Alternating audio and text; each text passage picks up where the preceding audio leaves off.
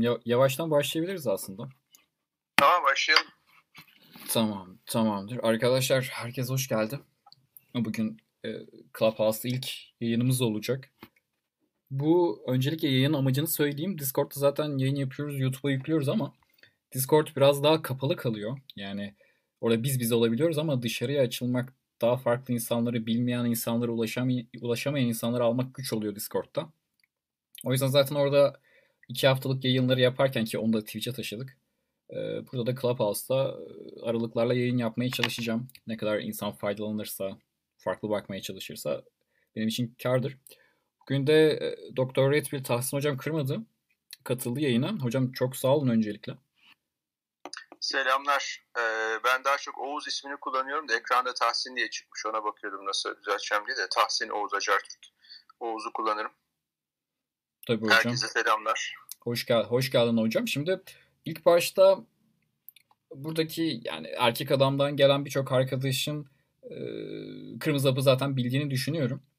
E, ama aramıza bugün yeni arkadaşlar da katılabilir. Bilmiyorum Clubhouse algoritması nasıl çalışıyor. Ana sayfada gösteriyorum vesaire ama yine biz bir şekilde e, bugün genel konseptlerden seninle beraber konuşalım istiyorum. O yüzden bireylerin kendilerini gerçekleştirmesi olarak bizim Discord ve Telegram kanallarının biraz sloganını yazmış oldum ama e, o yüzden hem biraz Kırmızı Hap'a giriş bilgisinden hem gençlerin ya da ya da kendilerini gerçekleştirmek ya da geliştirmek isteyen insanlara böyle genel bir çerçeve çizersek biliyorum çok genel bir konu ama zaten ileriki yayınlarda görüşmelerimizde bunu detaylandırırız zaten yeterince detaylandırıyoruz. Biraz sohbet tadında geçsin istiyorum. Arkadaşlar bir de burada özellikle bir 15 dakika el kaldırıp soru alabiliriz sizden. Yani burada bu şekilde alma özelliğimiz var. Bir son 15 dakikada el kaldırıp soru sorabilirsiniz. Yazamazsanız da bu şekilde yapabiliriz. Hocam başlayabiliriz. Ee, tamam şimdi ben zaten pek çok arkadaş bu Red Pill kavramına yabancı değildir. Ama yine de ben e, üç cümlede özetlemek istiyorum.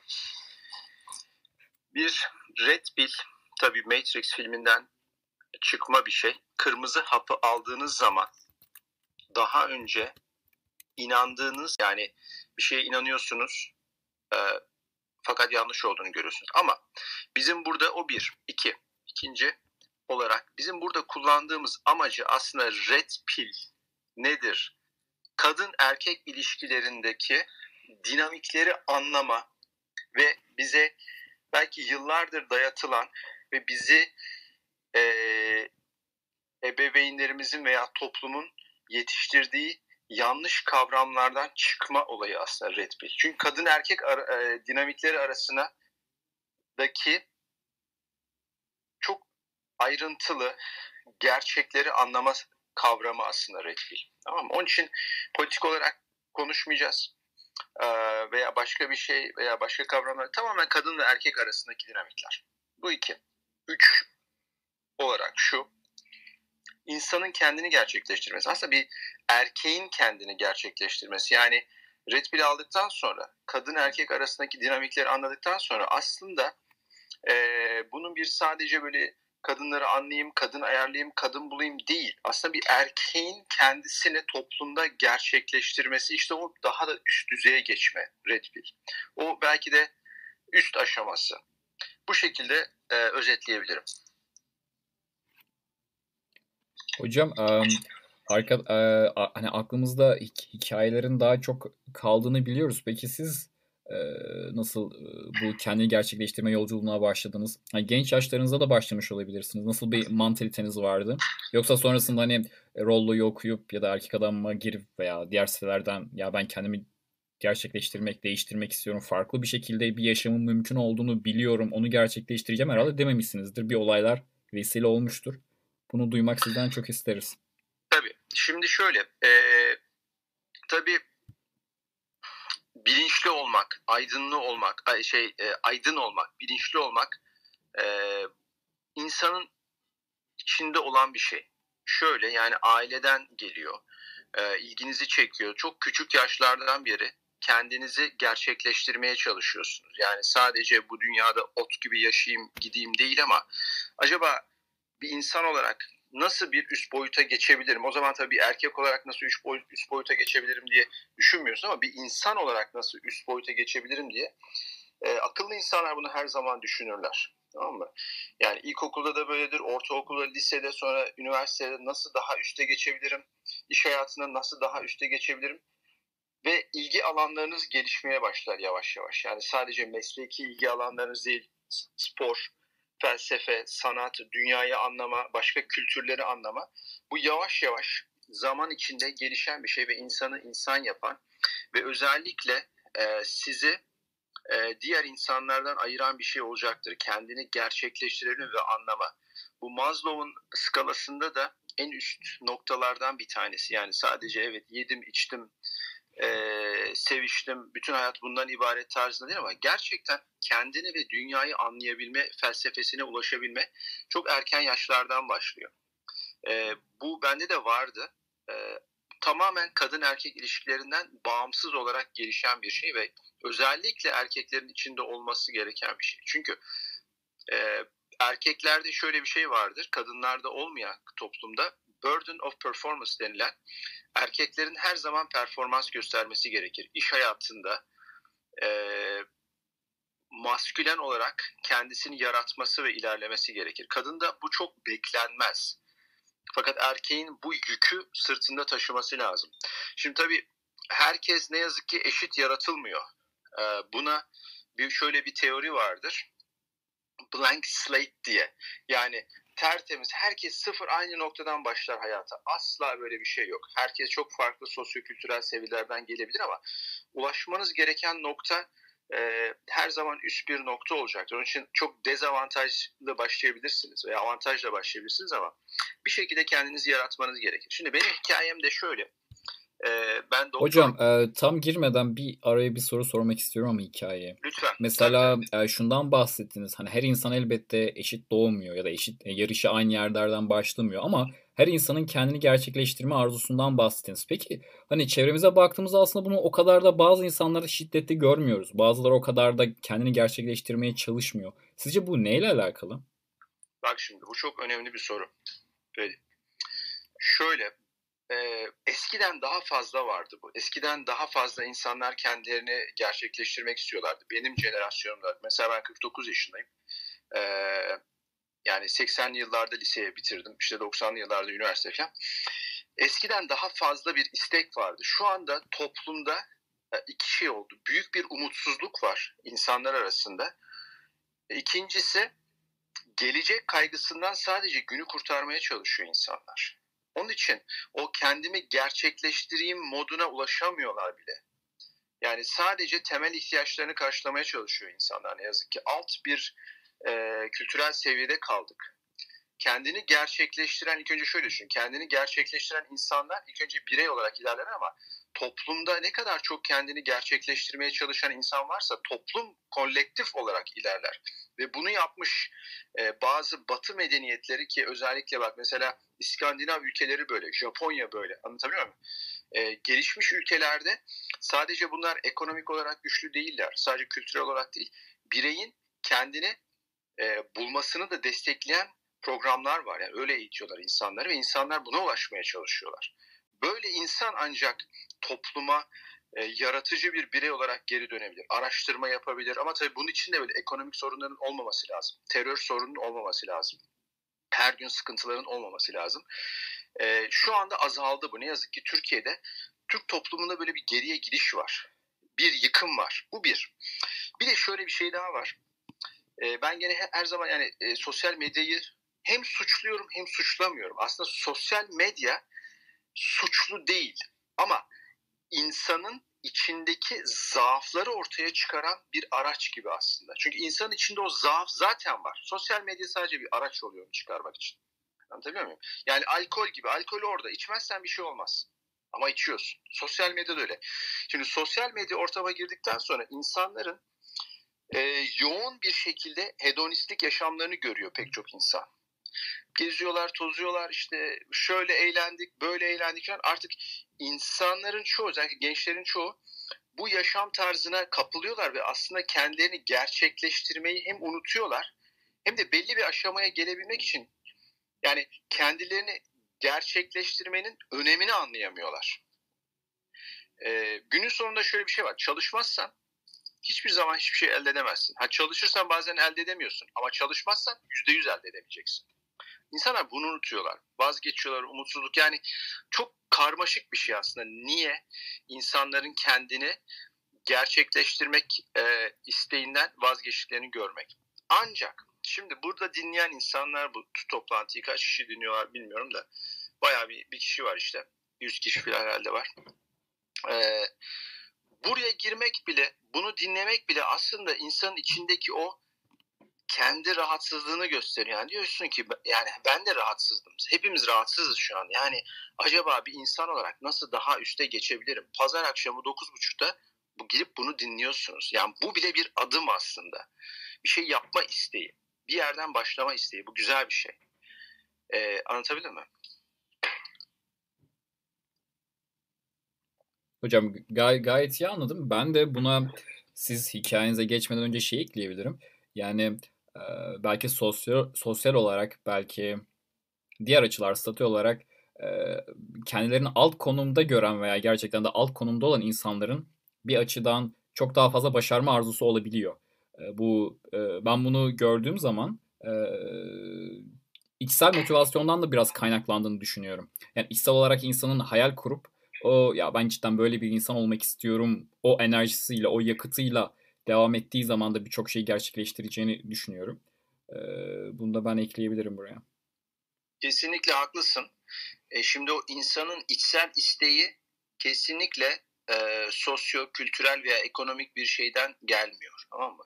Yani öyle insanlar gördüm. Çok yüksek sosyal, kültürel ve ekonomik seviyeye sahip ama hedonistik bir yaşam sürüp kesinlikle bir insan olarak e, kendini bir no- diğer noktaya geçirmeye çalışmıyorlar. Bunun yanı sıra çok e, dezavantajlı e, durumlardan gelip gerek sosyal, kültürel, ekonomik olarak kendine çok daha üst seviyelere taşımış ve hatta bunlar kendisinden sonra gelen jenerasyonları ailelerini çok yüksek seviyelere taşımış insanlar var. Onun için biraz insanda bitiyor bu olay.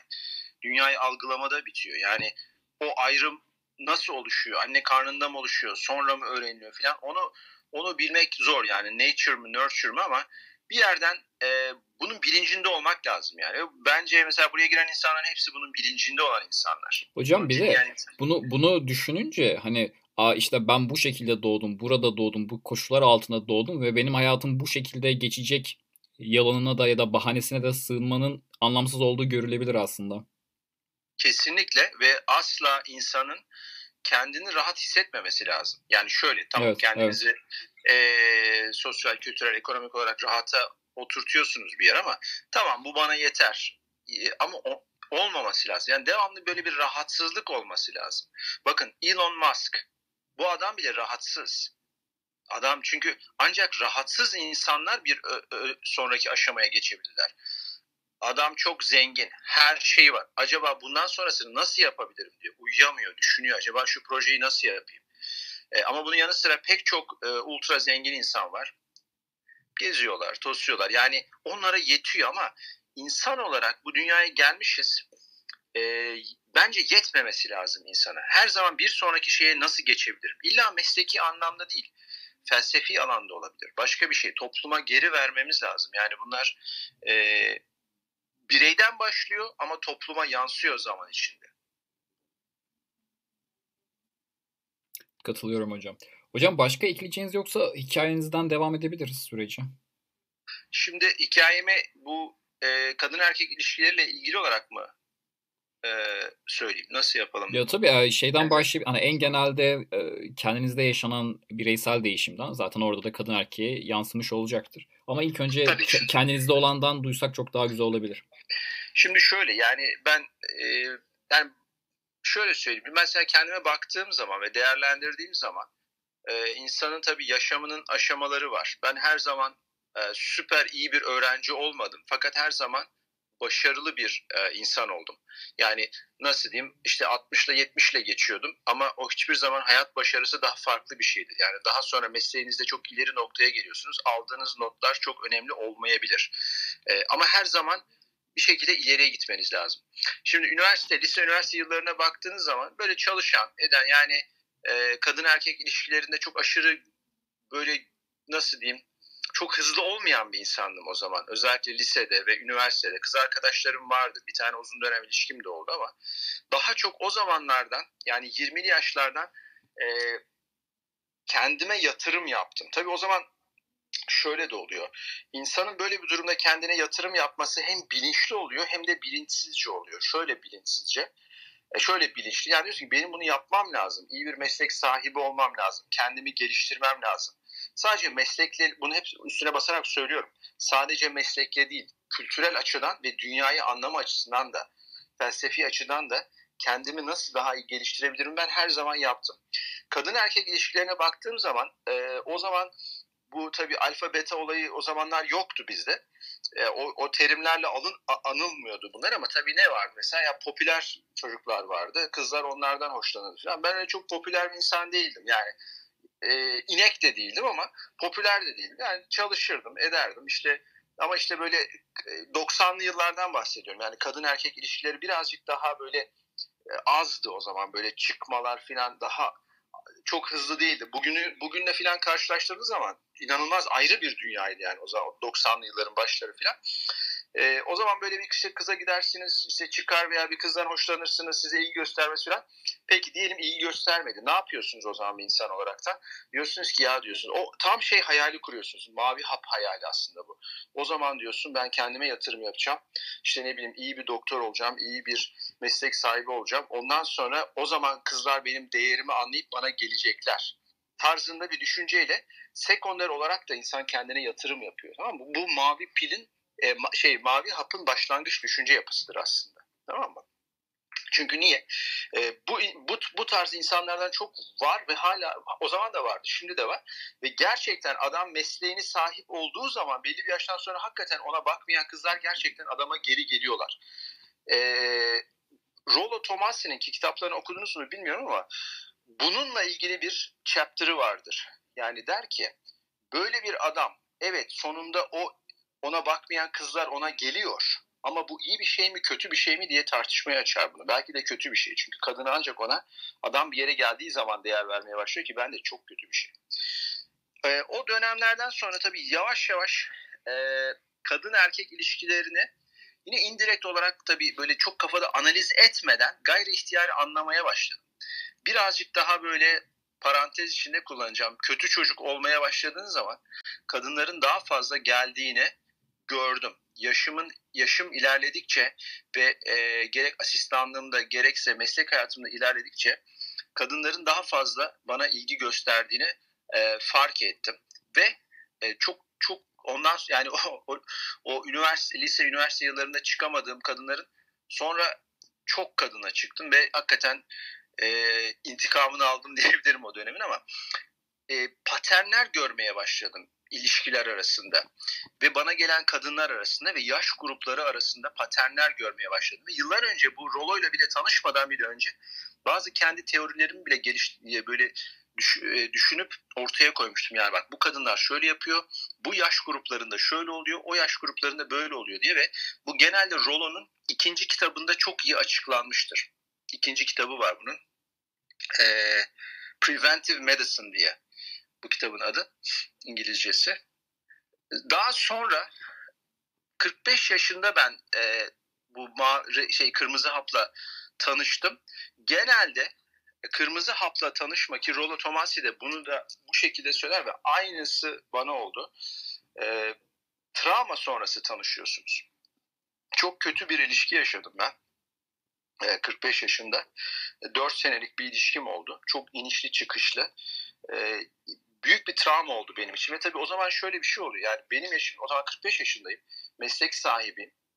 Ve bir ilişki beni mahvediyor, beni sarsıyor. Ve hayatımdan bir sürü kadın geçmiş. Bir anlam veremiyorsunuz. İnsanın kendine olan şeyi sarsılıyor, güveni sarsıyor. Yani ben bu noktaya gelmişim, bu kadar bir kadın bunu bana nasıl yapabilir düşünmeye başlıyor insan. Ve ondan sonra tabii araştırıyorsunuz ve Allah'tan böyle bir şey var yani bu arkadaşlar siz çok şanslısınız çünkü bundan 10 sene 15 sene önce yoktu böyle bir şey. Ondan sonra araştıraraktan Google açıyorsun işte ne oluyor ilişkiler nedir ne yapmak lazım filan. yavaş yavaş bu red pill kavramı çıkmaya başladı karşıma. Ve e, kendimi gerçekten verdim buna. E, hatta hayatımın odak noktasına bile aldım diyebilirim. E, o zaman e, toplantı olmuştu 2018 yılında.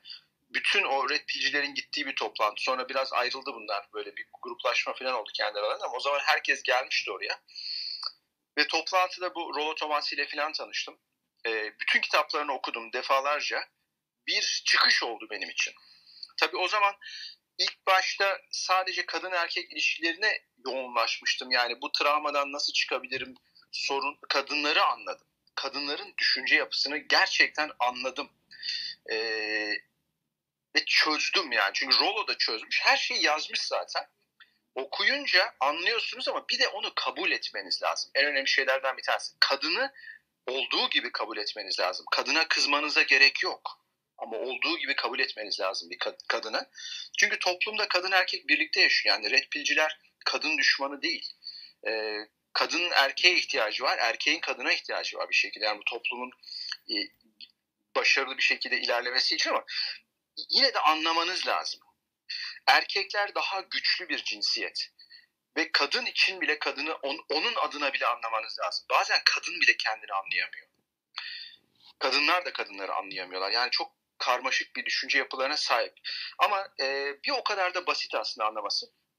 Daha sonra e, bu kadın erkek ilişkilerini çözdükten sonra birazcık kendime yöneldim. Yani e, maskülen olaraktan kendime yöneldim. Ve ben işte o zaman kendimi daha da bir insan olarak ve bir erkek olarak daha üst noktaya nasıl taşıyabilirime e, gerçekleştirmeye çalıştım. Ve hala o yol hiçbir zaman bitmez. Yani 80 yaşınıza gelseniz bile bit, bitmez ve zaten bitmemesi lazım. Benim hikayem bu. Ayrıntısı, pek çok ayrıntısı var. Çok girmiyorum. Soran olursa girerim. Hocam e, çok güzel bir hikayeydi. Yani bunu Discord kanalında da e, konuşmuştuk.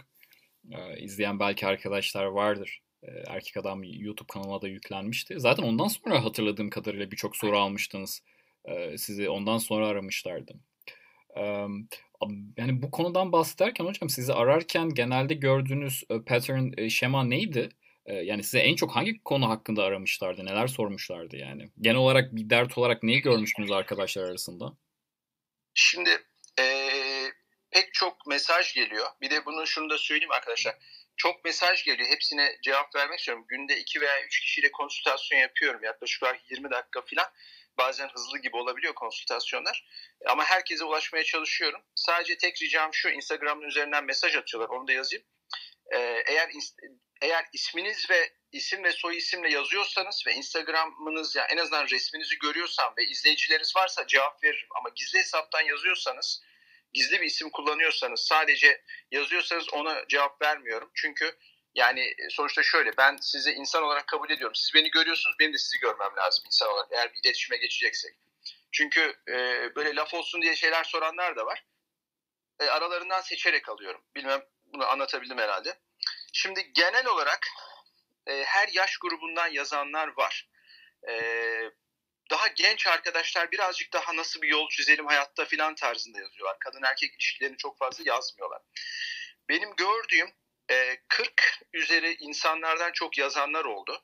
E, hatta telefonlarla konuştuk, e, konsültasyon yaptık yani.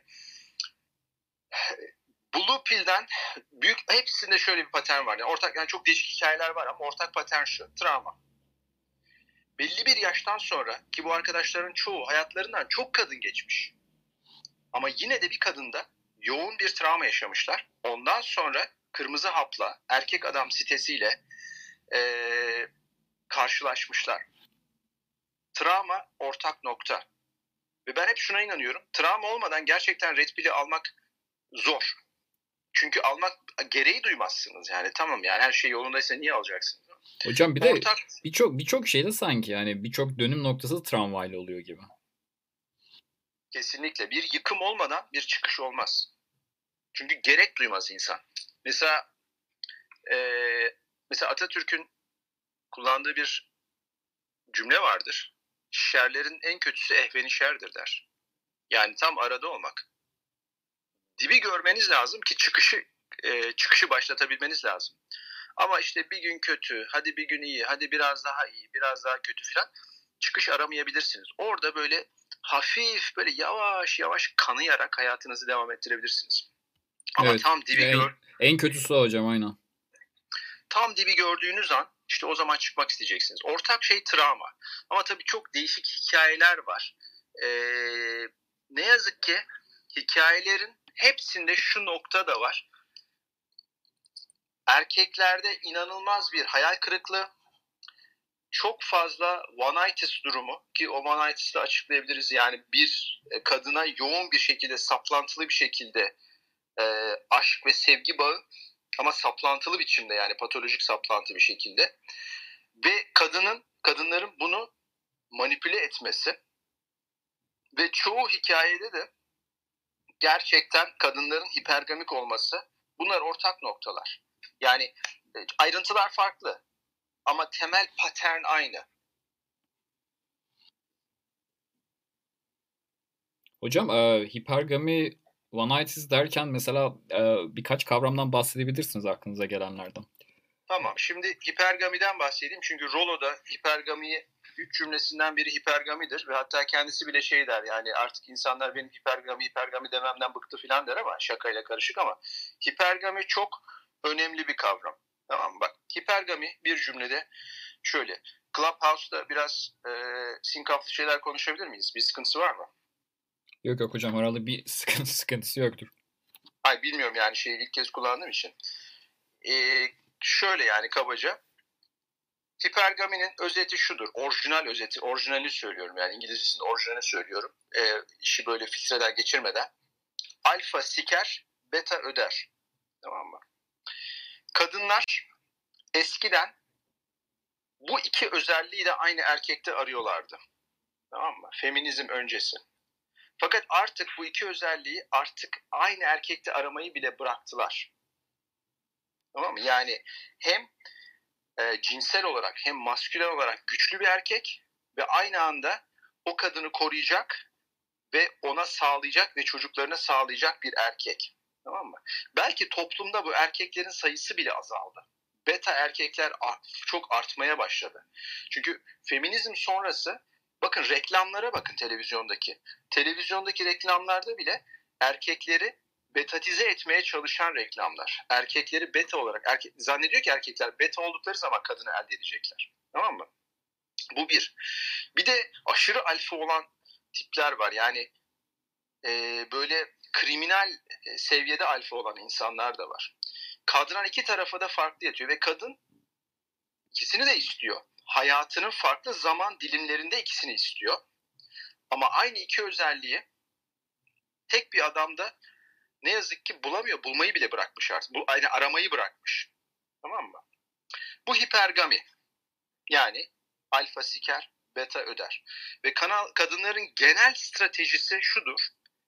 Ee, kadınlar bile birbirlerine bu stratejiyi yapmalarını önerirler. Hatta şöyle söyleyeyim. Sheryl Sandberg diye bir kadın var. Eskiden Facebook'un CEO'suydu bu kadın. Sheryl Sandberg. Tamam mı? Bu kadın bir kitabında kadınlara şunu önerir yazarak ve Rollo da bundan bahsediyor. Diyor ki siz diyor gençlik, gençlik yıllarında diyor kötü çocuklarla çıkın diyor. Sizi bırakacak çocuklarla, sizi üzecek, ağlatacak çocuklarla çıkın diyor. Bunları yapın, içinizden atın bunu diyor. Güzel bir şey bu diyor. Ama diyor evleneceğiniz zaman evine sadık olan, e, iyi çocuklarla evlenin diyor. Uzun dönemde diyor o çocuklar daha iyi olacak sizin için diyor. Açık açık söylüyor bunu. Tamam mı? Kadınların stratejisini söylüyor. Bu bence çok kötü bir şey. Yani toplumun %90'ı zaten beta. Betalar bir şekilde kullanılmış oluyor. Ya bu, bu çok tabii derin şeyler de var. Çünkü yıllarca 20'li yaşlarında pek çok erkekle çıkmış, alfalarla çıkmış kadın evlenme yaşına geldiği zaman e, bir erkekle pair bonding denilen içsel çiftleşme, çift kurma işini gerçekleştiremiyor kafasında. Ve bir kadın ne kadar çok erkekle birlikte olursa boşanma riski de o kadar artıyor istatistiksel olarak. Anlatabiliyor muyum? Ee, onun için sadece böyle basit bir kavram değil. Yani Aa, evet tamam kız gezmiş filan e, ne olacak? Yani benim geçmişim önemli değil ki filan deyip 35 yaşlarında evlendiği zaman bu o kadar basit bir şey değil. Bunun çok büyük sosyal e, etkileri olan bir şey aslında. Hip, e, bu kadın erkek ilişkilerindeki kadın stratejisinin temeli budur. Hipergami. Bir de one night açıklayayım. Hocam e, oraya girmeden ben de bir şey tamam. eklemek istiyorum ama siz dediniz ya bu kadar e, basit bir şey değildir diye. Biz e, birkaç ay önce Ağır Sağlam Furkan'la yaptığımız yayında da bundan bahsetmiştik. İnsanlar bilmiyorum bu zamanda özellikle geçmişin bilgi, bilgeliğini çok fazla dışarı ittiler. Çok fazla hani geleneksel ya da muhafazakar olma bakış açısıyla konuşmuyorum burada. Yani isteyen istediği şekilde düşünme hakkına sahip ama toplumu, sosyeteyi bu zamanda getiren düşünce ve fikirleri bu kadar fazla dışarı itmek. Mesela aile kurumunu korumaya çalışan birçok düşünce var. O, onları bu kadar fazla geri itmeye çalışmak. Ondan sonra da ya canım ne olacak ki deyip atmaya çalışmak biraz bana iki yüzlülük gibi geliyor. Ne dersiniz bilmiyorum. Çok haklısın. Ve zaten e, dikkat edersen e, şöyle bir söylem var. Bak ben de yani böyle yani dindar bir insan değilim. Dini düşüncelerim yok. E, ama bu muhafazakarlıkla olan bir şey değil aslında. Bu sonuçta biyolojik bir şey ve her toplumda olan bir şey. Yani Hindu toplumunda da var, Hristiyan toplumunda da var, Yahudi toplumunda da var, Müslüman toplumunda da var. Geçmişi çok fazla olan bir kadına hiçbir erkek, hiçbir tarih diliminde hiçbir şekilde istemiyor. Anlatabiliyor muyum? Ve geçmişi çok kabarık olan kadınlar genelde erkeklere shaming uygularlar. Yani shaming nedir? Aa diyor sen e, o zaman kendi erkekliğine güvenmiyorsun. E, onun için beni eleştiriyorsun geçmişimi der. Tamam mı? Bu bir. İkincisi bir kadına hiçbir zaman sormayın kaç tane erkekle birlikte oldu filan diye. Gerek yok. Hiçbir anlamı yok onu sormanın. Çünkü zaten kadınların %99'u yalan söyleyecektir. Yalan söylemesinin sebebi de şu. Kendisi de onun bir sıkıntı olduğunu düşünüyor aslında. Kendi değerini düşürmek istemiyor onu söyleyerekten. Onlar da aslında bilinçaltlarına farkındalar yanlış yaptıklarını. Ama bir şekilde toplum bunu kabul etti. Ama e, bakın Amerikan toplumunda bile yani açık bir toplum gibi zannediyorsun ama kesinlikle geçmişi çok fazla olan kadınları hiç kimse istemiyor. Din inanç falan onunla alakası olan bir şey değil bu. Ve istatistiklere baktığınız zaman belli bir erkek sayısından daha fazla erkekle birlikte olan kadınlarda boşanma riski çok çok yüksek. Onun için bu önemli bir şey. Bir. İkincisi şundan da bahsedeyim. Erkekler neden bakire kadın istiyorlar? Tamam mı? Bu aslında çok e, biyolojik bir kavram. Şimdi eskiden kadınların e, kadınlar yani hamile kaldıkları zaman karnındaki çocuğun kime ait olduğu belli değil. İmkansız onu anlamak eskiden. DNA testi yok. Ne zaman hamile kaldığını bile anlayamıyorsun. Onun için erkek karn, o birlikte olduğu kadının karnındaki çocuğun kendisine ait olma olmasını istiyor. Böyle bir hakkı var. Niye? Çünkü diyor ki ben diyor bu kadın için ve bu çocuk için ölmeye hazırım diyor. Ama o çocuğun benim genetiğimden olması lazım diyor. Bu şartı koşuyor adam. Çünkü bütün dünyadaki bütün canlıların amacı üremek. Üremek demek kendi DNA'nı aktarıyorsun diğer jenerasyona. Başkasının DNA'sına bakmıyorsun sen. Amacın o zaten. Ve tarih boyunca hayvanlarda da öyle. Sadece güçlü hayvanlar ve kıskanç hayvanlar üremiş. Yani bir aslan, altı tane dişi aslanı var. Onları korumasa o dişi aslanlar başka aslanlarla çiftleşse kendi genleri değil, başkasının genleri aktaracak. Onun için o aslan savaşıyor. Kıskançlık buradan kaynaklanan bir şey. Ve bakire istemenin sebebi de bu. Çünkü ancak bir kadın bakire olduğu zaman ve düğün gecesi kocasıyla birlikte olduğu zaman işte o zaman karnındaki çocuğun o erkeğe ait olduğunu şansı daha yükseliyor. Ama bir kadın düşün. 35 tane 40 tane adamla birlikte olmuş. Onun için normal bir şey o kadın için. Birisiyle evlendiği zaman başkasından hamile kalması umurunda olmayabilir. Bütün olay aslında çok biyolojik bir şey.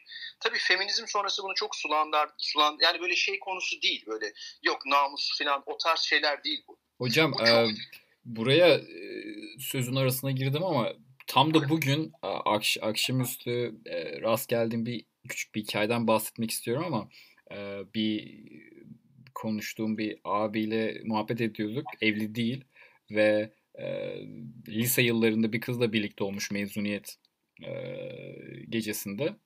E, ve ondan sonra bu kız hani birisiyle bir e, söz falan vermiş. Bu hani senle evleniriz falan diye lisenin son zamanlarında. Ama adam da diyor ki abi de Hani ben onların hiç evleneceğini düşünmüyordum diyor. Ondan sonra bunlar birlikte olmuşlar. İki ay sonra da bu hikayedeki kız söz verdiği adamla evlenmiş. Aradan 15-20 yıl geçiyor. Bu kızın arkadaşı geliyor ve o bahsettiğim e, abiye diyor ki hani senin bir çocuğun var. E, o zaman e, işte bir çocuğu olmuş ama kız yüksek ihtimal ne kimseye söylemiş e, ne de şey yani e, 15 yıl evet. 20 yıl boyunca e, e, şu an evlen o zaman evlendiği adamı babası olarak gösteriyor. Yani düşünseniz adam kendinden olmayan bir çocuğu yıllar boyunca büyütüyor. Ne kadar büyük şimdi, bir şey yani olay. Şimdi bu senin dediğin şey Batı dünyasında çok fazla yaşanan bir şey. Tamam mı? Ve e, öyle bir oran veriyorlar ki diyorlar ki şu andaki dünyadaki çocukların %25'in babası e, babası başka insan diyorlar. Tamam mı? Ve bazı ülkelerde galiba Fransa'da e, babalık testi yaptırmak yasak. Yaptıramıyorsun. Kendi çocuğuna babalık testi yaptıramıyorsun. Tamam mı?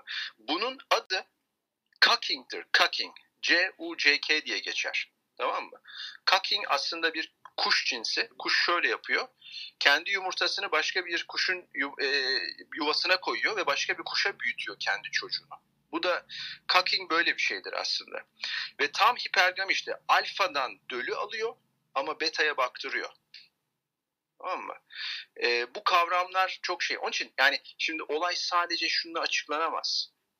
E, bu namus kavramıyla işte yok namus cinayeti bilmem ne bunlar tabii böyle çok patolojik şeyler olmaması lazım böyle şeyler ama gerçekten insanın e, biyolojisinde bütün bu kıskançlığın altında yatan şey tamamen bu. Nereden geldik bu konuya? Çünkü şöyle nereden geldik? Bu red pill aslında bütün konular birbirine bağlı olan şeyler. Birini diğerinden ayıramıyorsun. Şimdi bir konuya girince hemen başka bir şeyin altından çıkmak zorunda kalıyoruz. Şimdi bir de One açıklayayım ben size. Tamam Duyuyor musunuz? Ha, duyuyoruz hocam evet. Dinliyoruz. Ha. Şimdi One Rollo'nun dört tane kitabı var. Ee, bu birinci kitabın birinci chapter'ı. O kadar önemli bir şey bu. Adam ilk onunla giriyor olaya. One bir erkeğin, kadınlarda olan bir şey değil bu. Erkeklerde olan bir şey. Ee, bir erkeğin bir kadına patolojik olarak saplantılı bir şekilde bağlanması ve sadece dünyada onun için o kadın varmış tarzında düşünerekten hareket etmesi. Tamam mı? Ve ilk cümlesi şöyledir. One-itis is paralysis der. Yani one-itis felçtir der. Bir insanı felç eden bir şey haline gelir one-itis. Tamam Bunu ben de yaşadım. Ee, ve o, o hissi ben de duydum. Tamam mı? Tek bir kadına karşı yaşamadım. Eskiden başka kadınlar da olmuştu ama bu en son yani o Red Pill'i bulduğum ilişkimde o one-itis'ı bir süre boyunca yaşadım. Tamam mı? Ee, beni arayan insanlar da bu one-itis olayını çok sık görüyorum. Ve bence bizim gibi biraz doğu toplumlarında erkeğin böyle şu şu şu şu görevleri olur erkek adamın filan gibi yetiştirilen toplumlarda vanaitis birazcık daha fazla. Bir. İkincisi kadının tabii her kadında böyle manipülatif e, özellikler var ama kadının birazcık daha e, manipülasyona yönelik olduğu durumlarda ve toplumlarda ki bence doğu toplumları birazcık daha fazla bunlarda e, vanaitis de fazla. Bizim erkeklerimiz böyle inanılmaz blue pill, böyle takıntılı bir şekilde kadına böyle aşık oluyorlar, seviyorlar böyle onun etrafında dolaşıyorlar. Ama vanaitis en sonunda erkeği bitiren ve ilişkiyi bitiren bir şeydir.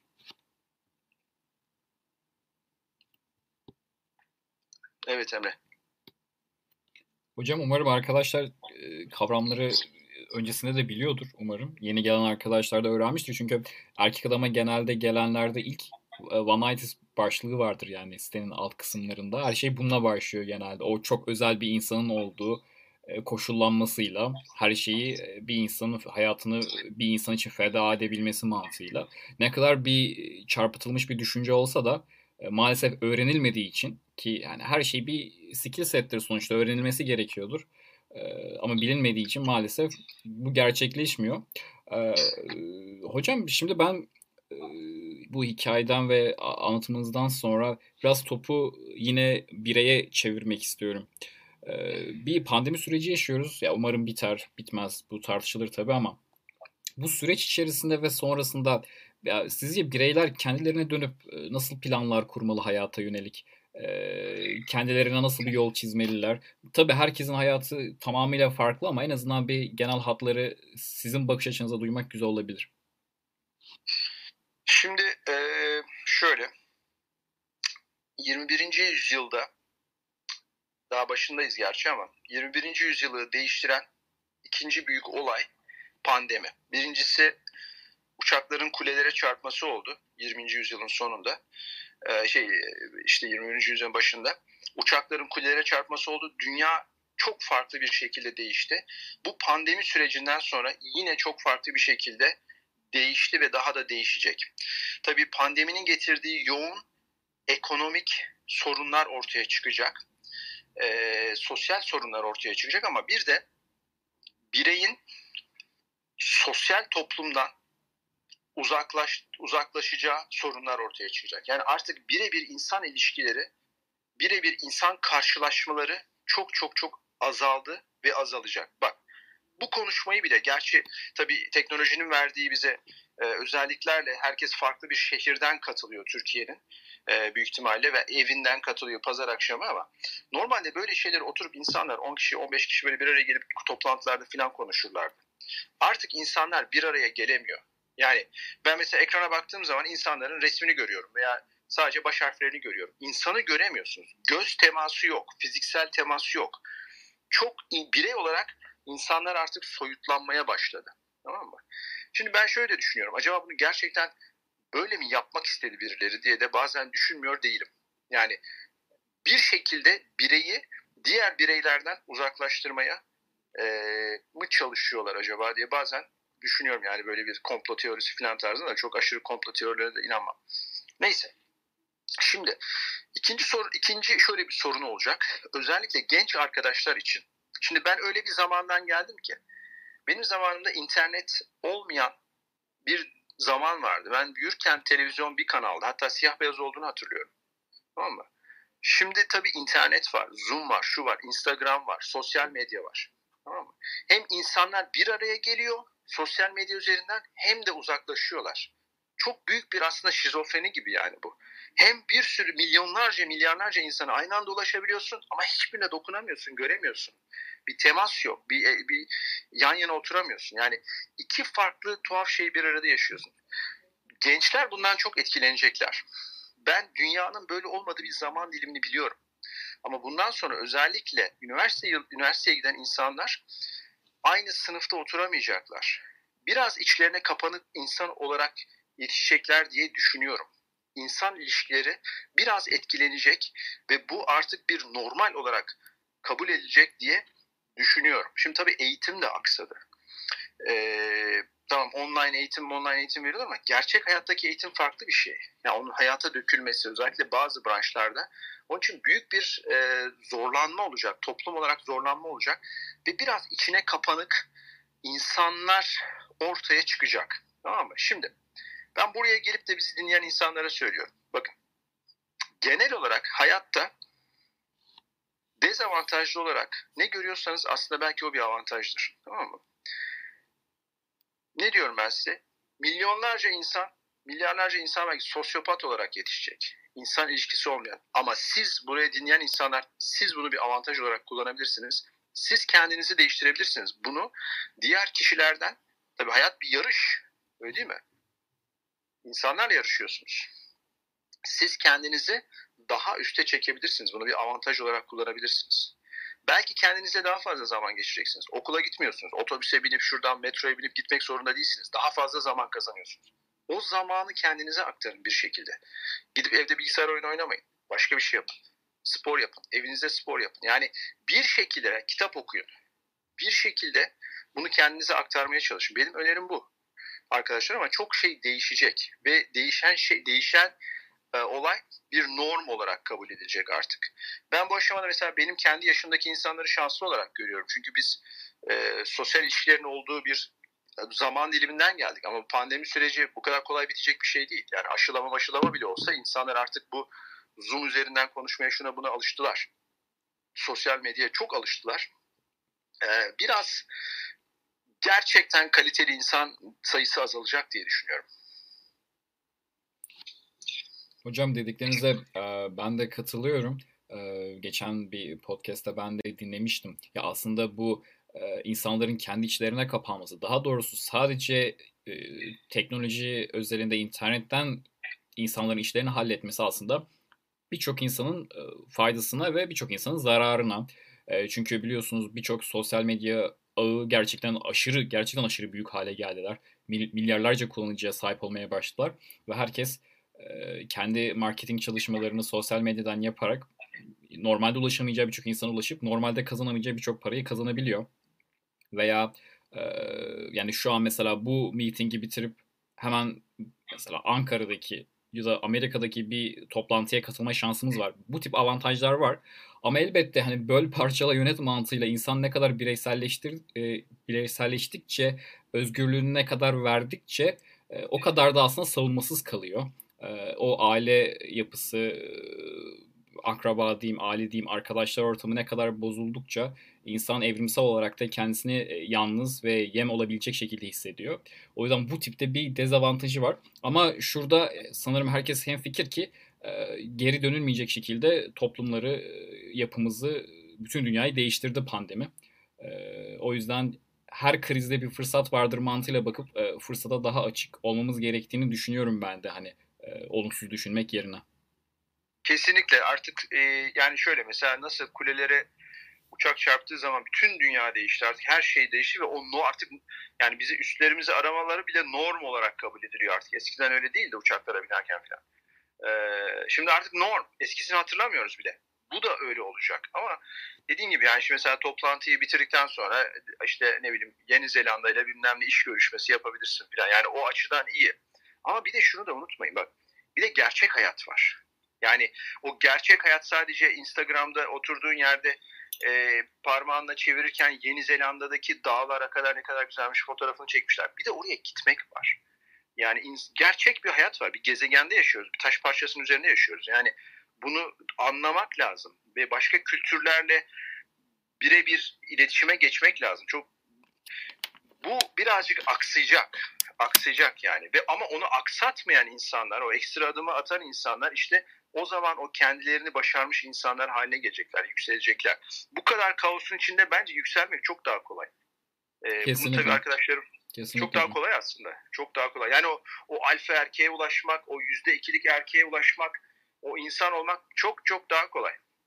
Kes, kesinlikle katılıyorum. Yani e, Peterson'ın da kitabında hani kaos olmadan düzeni çıkılmıyor en nihayetinde ve e, gerçekten her krizin içinde bir fırsat barınıyor arkadaşlar. Yani ya ben sadece kırmızı hap demeyeyim. Genel olarak mantalitemi inşa etmeden ki hala inşa ediyorum elbette ama olumsuzluklara daha fazla takılırdım ama mantalitem değiştikten sonra ya her şeyi bir fırsat görmeye çalışıyorum. Çok güzel bir söz vardır. Hani gözlerinizi e, fırsatı görecek şekilde eğitin diye.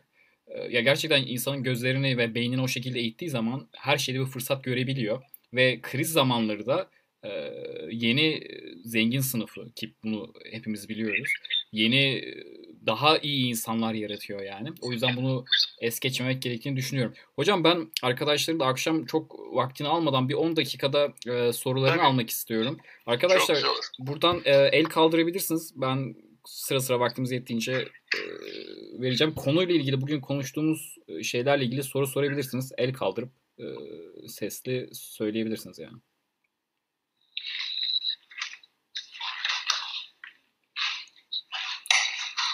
Huzey, Huzeyfe Bey e, isimli arkadaşımıza ben mikrofonunu açıyorum.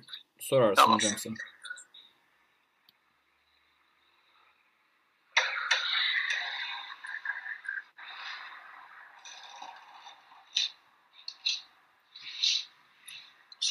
Mi? Duyamıyorum.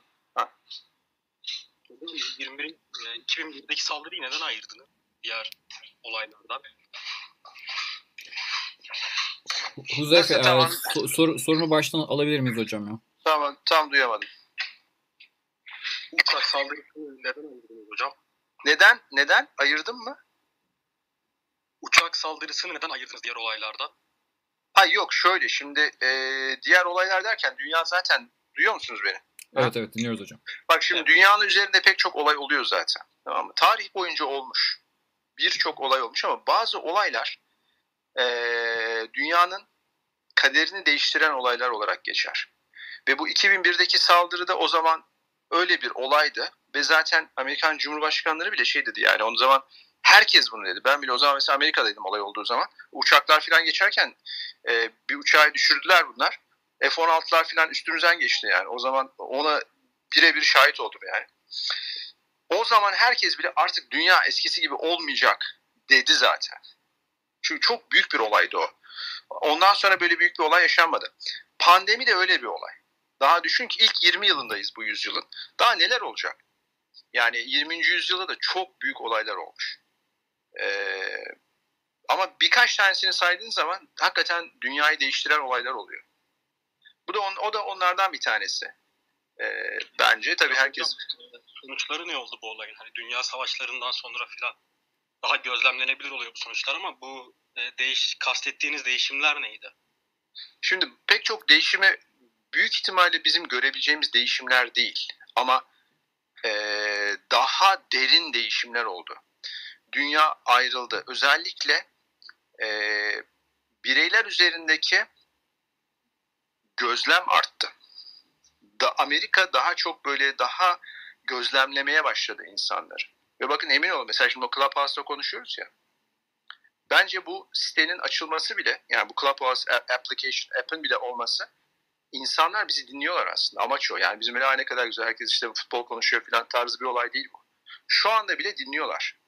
Amaç o zaten. Amaç hizmet değil. insanları monitörize etmek. Facebook da öyle bir şey. Ee, bu mesela dünyadaki büyük olaylardan bir tanesi şudur. Yine 20. yüzyıl, 21. yüzyılda. Sosyal medya. Tamamen toplum değişti.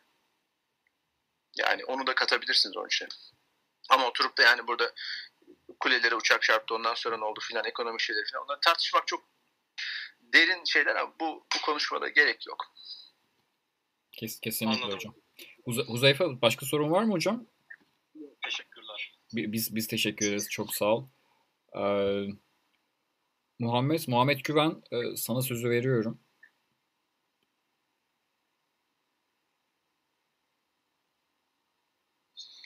Merhabalar. Sesim geliyor mu? Geliyor.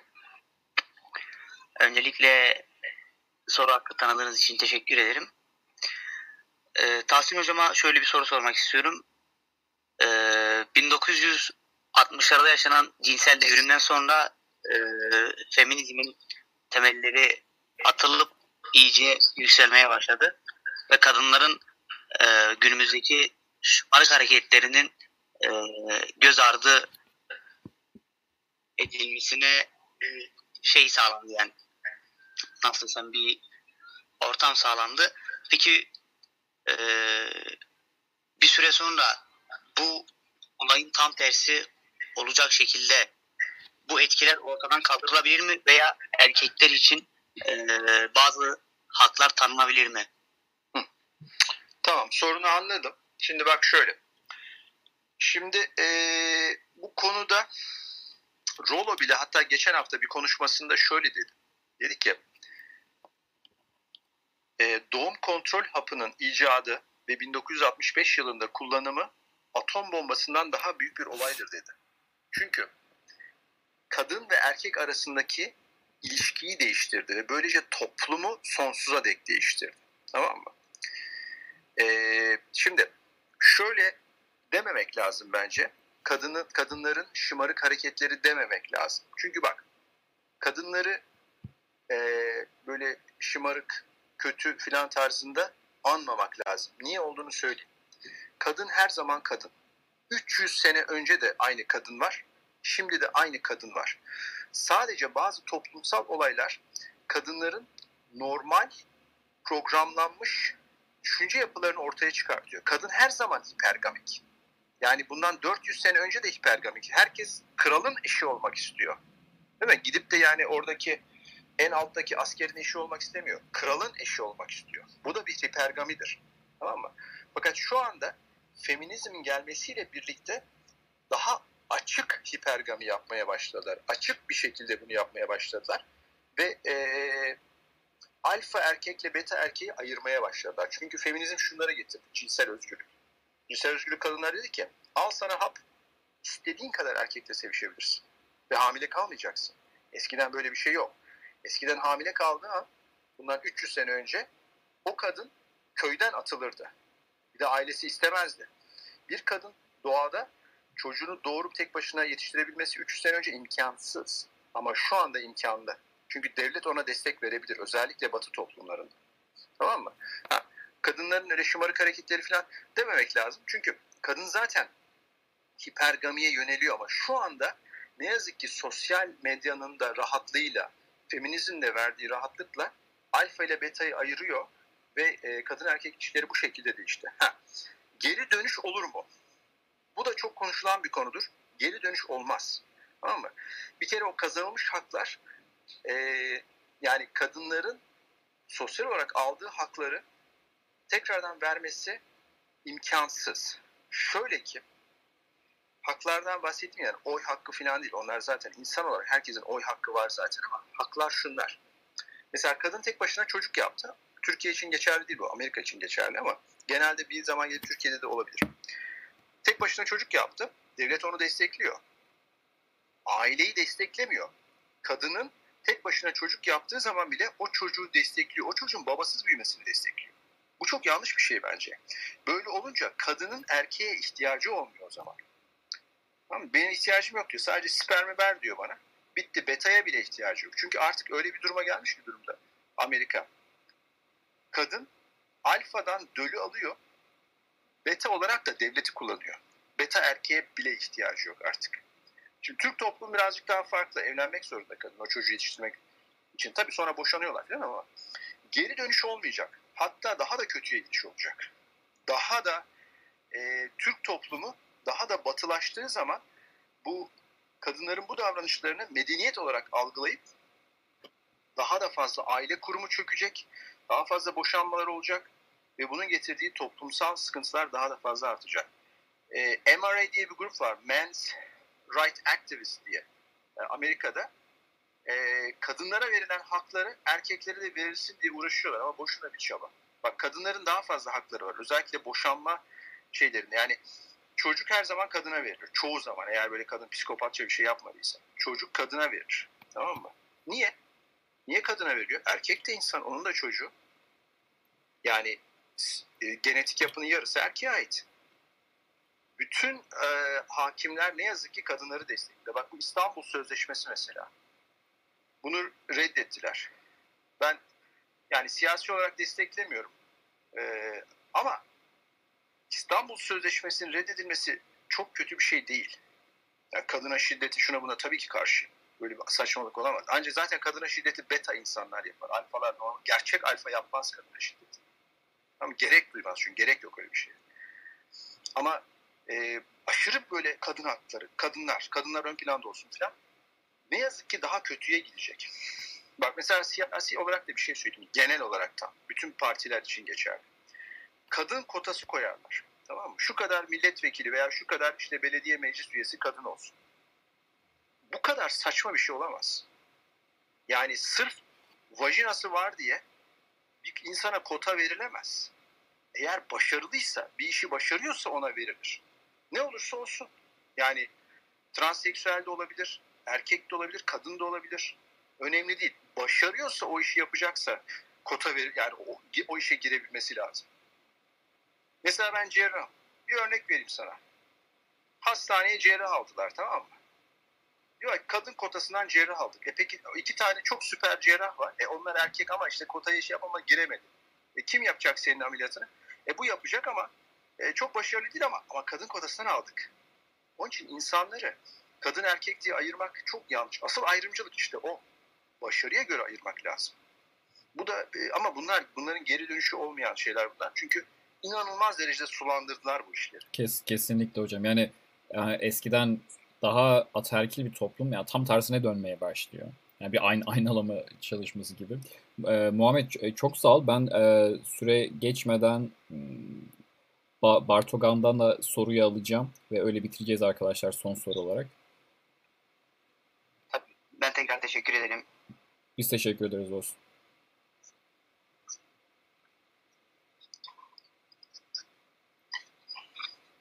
Ee, öncelikle merhabalar. Geliyor değil mi? Geliyor. hocam tabii ki bunda söyle gerçekten farkındalık kazandıran bir anlayış ama kadın erkek ilişkilerine bu kadar eğilmek, kadınları bu kadar analiz etmeye çabalamak, işte detaylara bu kadar inmek bir açıdan da işi biraz zorlaştırmaz mı? Yani mesela kadınları gözümüzde farklı bir açıdan büyütmemize de sebebiyet vermez? Nasıl mesela? Yani çok fazla derin düşünmemize, detay inmemize, belki harekete geçmemizi biraz gerektirmez mi diye düşünüyorum. Belki detaylarda boğulmak. Yani şöyle söyleyeyim o zaman şöyle daha mı iyi? Mesela e, örnek olarak söylüyorum bir koyun var mezbahaya giriyor. Mutlu bir şekilde giriyor mezbahaya.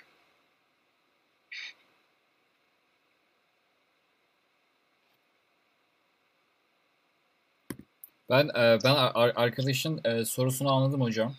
Şey olarak e, yani çok fazla bir işin içerisinde boğulmanın o işi yani analiz paraliz olayından bahsediyor ama ben şuna Oğuz hocamdan önce şunu da eklemek isterim aslında Bartogan. mantıklı mantıklı dediğin ama bilmemenin maliyeti çok daha fazla yüksek. bir şey bilmediğin zaman orada ne gibi fırsat olduğunu bilmiyorsun. Orada neler yapacağını bilmiyorsun. Mesela bir kadınla tanıştın onun davranışlarını anlamlandıramadığın zaman ki kadın doğuştan bir kadın olduğu için senin davranışlarını zaten anlamlandırıyor. Ama sen e, öğrenmediğin için sana atıyorum çoğu insana e, direkt sana olarak söylemiyorum ama birçok insana e, babası ya da aile kurumu veya akraba kurumu, çevre kurumu öğretmediği için ya şu kadına şöyle davranmalısın gerçek bir şekliyle. Erkekler gerçekten sudan çıkmış balık gibi etrafta geziyor ve one oluyor bir gün ve intihar boyutuna kadar gidiyor. Aslında ben e, hani bu yayın biterken şunu da ekleyeyim. Erkek adam da benim hani aktif rol almayı e, almak için uğraşmam, bunları düzenlemem aslında benim şu motivasyondan geliyor. Burada bir, bir cümle bile size bize katılanlara aktarabilirsek ileride evlendikleri zaman, evlendiğiniz zaman, e, aile kurduğunuz zaman çocuğunuzu bir tık daha iyi yetiştirebilirsiniz. Bir tık değil gerçekten iyi bir çocuk yetiştirebilirsiniz.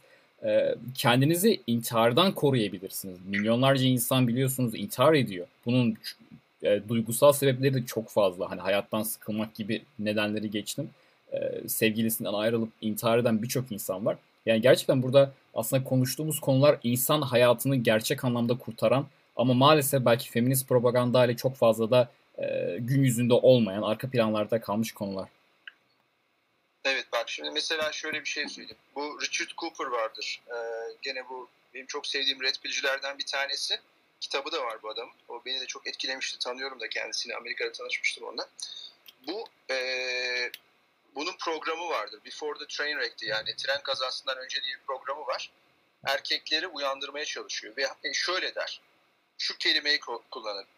Red pill'i almamış erkekler sleep walking through life der. Yani nasıl? Uyur gezer şeklinde gidiyorsunuz olan içine der. Uyur gezer. Yani aslında bir şekilde ayakta uyuma gibi Red Pill almadığınız zaman. Zaten Red Pill'i almanın amacı o. Bak, ee, oluruna bırakmak iyi bir şey değil. Tamam mı? Bir şeyi oluruna bırakmak iyi bir strateji değil. Özellikle maskülen bir erkek olarak sizin yapmanız lazım. Zaten Red Pill bu. Acı bir hap. Red Pill'i aldığın an o inandığın, yanlış inandığın gerçekten çıkıyorsun ve gerçeği görüyorsun. Gerçeği görmek istemiyor musun? Onu kendine sormalısın. Ha, gerçeği görünce canın yanacak onu ben sana baştan söyleyeyim. Yani acı bir haptır Red Pill ama aldıktan sonra gerçekten içselleştirdikten sonra o zaman e, çok rahatlayacaksın. Karşı cinsi anlayacaksın. Hem kendin için iyi olacak ve emin ol ilişkilerin de karşı cins için de iyi olacak. Kesin, kesinlikle. Yani Öncelikle cevaplar için teşekkürler. Yani yanlış anlaşılmak da istem. Ben zaten başta da söylemiştim. Yok yok. Gay- gayet gayet güzel bir soruydu bence. Farkındalık kazandıran bir anlayış. Gerçekten özellikle bilme anlamak ihtiyacı açısından da çok iyi. Ama herkes de acaba aynı etki bırakabilir mi? Mesela pratik hayatta veya harekete geçme konusunda bu kadar detaya inmek biraz da işte harekette geri plana bırakabilirim diye bir soru sormuştum ama o aslında e, her her şeyde evet. her şeyde de oluyor aslında. Yani e, yani mesela bak bakkala gideceğim diye hani şu caddeden evet. geçip şu trafik ışığını geçtikten sonra arkadaşımı arayayım da şöyle gideyim ve bakkala sağ ayağımla adımımı atayım, sol ayağımla çıkayım böyle klasik düşüncelere falan kapıldığımız zaman bile ya insanlar e, pa- paralize olmuş şekilde olabiliyor. Bu her öğretide, her düşüncede, her e, durumda böyle ama e, yani kırmızı hapı bilmemenin e, kırmızı hap ya da bu gerçekten eskilerin geçmişin bilgiliğini bilmemenin kadınlar ilişkiler hakkında da birey hakkında da ya maliyeti çok fazla büyük e, diyebilirim. Ya şeyi kapatmadan e, Cafer sorun bir dakikalık sahibi onu da alalım da çok geç oldu çünkü. Başka soru almayacağız arkadaşlar onu söyleyeyim. Bartokan çok sağ ol bu arada. Ben teşekkür ederim. Ca- Cafer dinliyoruz şu an. Hocam e, sizce e, Red Pill'i 30'lu yaşlarından sonra keşfetmiş biri hani evlenmek e, evlenmeyi düşünürse e, kaç yaşlarında evlenmek daha mantıklı bir seçim olur? Senin yaşın kaç şu anda? Ben şu an 34'üm hocam. Tamam. Şimdi şöyle bak. Hangi yaşta eee, şu yaşta evlenmek uygundur diye bir şey söyleyemem. Çünkü herkes için farklı olacaktır. Tamam mı? Evet. Eee, ben evlenmeyi düşünmeyen bir insanım. Evliliğin getirdiği çok büyük sıkıntılar var. Eee, yani yasal olarak da sıkıntılar var. Eee, bireysel olarak da sıkıntılar var. Onun için düşünmüyorum. Ancak genelde ama evliliğe karşı bir insan değilim ben. Tamam mı? Sonuçta toplumun özellikle Türk toplumunun idame ettirebilmesi için evlilik şart. Yani aile kuracaksınız, iyi bir birey yetiştireceksiniz, çocuğunuz olacak falan. Bunlar şart yani. Gidip de böyle oturup Norveç'te yaşamıyoruz yani. Böyle hadi çocuğumuz olsun falan. Ondan sonra herkes kendi kafasına göre baksın. En iyi çocuk aslında anne ve babanın aynı evde olduğu ve o şekilde yetiştirilen çocuk. Tamam mı? Bu toplum için önemli olan bir şey. Onun için evliliğe karşı değilim. Ancak e, ne yazık ki kanunlar erkekten yana değil. Yani e, çok kendi çok bir kere kendinin senin çok iyi hazır olman lazım. Bir maskülen bir erkek olarak e, ayakları yere basan hem yani maskülen derken şu şartlar e, olacaktır. Bir bir kere red pili kadın erkek dinamiklerini çok iyi anlamış olacaksın ve ilişki olayına çok iyi hazır olman lazım. Tamam mı? Bir, ilişkinin yönetiminin senin elinde olması lazım. İki, kendini eee, finansal olaraktan toplumda bir birey olaraktan tam hazırlamış olman lazım. Tamam mı? Bunları yaptıktan sonra evlenebilirsin. Ve özellikle bir erkek için hayatından pek çok kadın geçmiş olması lazım. Bu seni çok daha rahatlatır ve kafanı da rahatlatır. Tamam mı? Bak şöyle de söyleyeyim. Ben eee, bir erkekte çok eşliliğe karşı değilim. Ama evlilikte aldatmaya karşıyım. Tamam mı? O imzayı attığın an aldatamazsın karını. Ona sadık olmak zorundasın. Tamam mı? Ama diyorsan ki ben çok eşli bir insanım. Pek çok o şekilde bir hayat sürmek istiyorum. Böyle maskülen bir insanım. O zaman evlenme. Tamam mı? Yani ne karşı tarafa haksızlık yapıyorsun ne kendine haksızlık yapıyorsun. Anlatabildim mi? Yani böyle bir denge olması lazım. Onun için e, hayatından eğer kadınlar geçerse o konuda da kafa olarak rahatlamış olacaksın. E, ve zaten kadınlar daha çok tecrübeli erkekleri seçeceklerdir. Bir de kadınla erkek arasındaki yaş farkı bence önemli. E, en az, en az 10 yaş fark olması lazım. En az diyorum bak. Bak ben plastik cerrahım. Estetik cerrahım. Kadın ve erkek yaşlanması aynı hızda değil. Sen kendi yaşında bir insanla evlendiğin zaman 50 yaşında sen hala çok böyle yakışıklı maskülen bir adam olacaksın ama karın 50 yaşında olacak. Çok zor bir şey bu. O zaman başka insanlara bakma eğiliminde olabilirsin. O zaman işte ilişkin eee, iyi bir noktaya gitmeyebilir. Anlatabiliyor muyum? Bak evlilikte ben aldatmaya karşıyım. Tamam mı? Onun için eee, ona göre yani illa şu yaş falan değil ama yani 40'a doğru daha iyi olabilir diye düşünüyorum. Anladım hocam. Yani yeterli e, e, deneyim ve hani hayatta gördüklerimizden Tabii. Bir de, sayesinde hani, bir de şu bir de şu var. Pardon sözünü kesiyorum bak. Bir de şunu da söyleyeyim. Önemli. Çok kadınla çıktığın zaman kadınları anlarsın ve o zaman kendine daha iyi bir eş seçme şansın daha iyi olur. Tamam mı? Yani ilk gördüğüm hadi çok iyi sevişen kızla evleneyim falan sakın. Veya abi çok iyi aile kızı bununla evleneyim sakın. Tamam mı? Yani iyi tanı eee, birlikte olacağın insan ona göre ona göre seç. Herkesin kriteri farklı olacaktır ama kadınları çok kadınla çıkmanın amaçlarından bir tanesi o. İyi tanıyorsun ve iyi bir aile kurmanın sorumluluğu da erkeğe aittir. Hem kadın için sorumluluk alıyorsun hem kendin için sorumluluk alıyorsun. Maskülen erkeğin görevi budur. Tamam Evet anladım hocam. Teşekkür ederim. Cafer e, soru için çok sağ ol. E, Oğuz hocam, e, Doktor Redfield e, çok sağ ol bu akşam katıldın. Çok güzel değerli bilgiler verdin. Ee, yayını da ben e, kaydettim gelemeyen arkadaşlar varsa diye Clubhouse'un birkaç özelliğinden dolayı gelemiyor olabilirler. Bunu da yüksek ihtimal erkek adamda paylaşırız. Arkadaşlara da çok teşekkür ederim. Arkadaşlar pazar akşamı bizi dinlediniz. Yani kendiniz için bunu yaptınız elbette. Umarım hayatınızda bir şeyler değişir. Ee, Oğuz hocamı kendi profiline girip takip edebilirsiniz. Instagram hocam e, sesli de söyleyebilirsiniz. Nerelerden takip ederler Ben sizi? zaten Instagram hesabımı Clubhouse'a yazdım. Tamam. Ee, oradan girebilirsiniz. Doktor yani dr.oğuz acartürk. Hı hı, hı Ee, hı. ikinci hesabım da dr.oğuz alt tire fitness surgery. Zaten doktor.oğuz yazınca çıkıyor benim iki hesabımda. Oradan takip edebilirsiniz beni. Hı hı. Ee, dediğim gibi soru sorabilirsiniz. Cevaplarım fakat kendi hesabınızdan yazdığınız sürece yoksa böyle Tabii. e, gizli, gizli hesaplardan yazdınca onu yani e, karşılıklı saygı meselesi. Aynen çok çok çok iyi, çok iyi anlıyorum hocam. Evet. Çok iyi anlıyorum. Arkadaşlar bizi de erkekadam.org'dan takip edebilirsiniz. Benim kişisel hesabım da var. Fred Mercurian olarak. Burada da kayıtlı zaten Clubhouse'da. Sizden ricam hani yayını YouTube'daki yayınları Discord grubunu, Telegram grubunu veya Clubhouse'u arkadaşlarınızla paylaşın. Çünkü dediğim gibi hani e, çok fazla göz önünde olan konular değil ama herkesin bireysel olarak acı çektiği konular gerçekten. O yüzden paylaşırsınız, e, bize destek olmuş olursunuz. E, Ya arkadaşınıza da sevdiklerinize de destek olmuş olursunuz. Gerçekten hayatı değişen ki benim çevremde de paylaştığım insanlarda hayatı değişen birçok insan oldu. Tamamıyla değişen. Bu iyiliği hani çevreniz için yapın. Kartopu etkisiyle büyüdüğümüz zaman gerçekten bireyler değiştiği zaman toplumda çok fazla değişecektir. O yüzden bir paylaşmak, bahsetmek güzel olur. Anlayan, değişmek isteyen zaten sizin bir cümlenizde bir bakayım diyecektir. E, Siz de bu şekilde destek olabilirsiniz dinledikten sonra. Çok sağ olun. Herkese iyi akşamlar diliyorum. İyi akşamlar. Herkese iyi akşamlar. Ee, çok güzel program oldu Emre. Ee, devamı gelecek diye ümit ediyorum. Kendine iyi bak.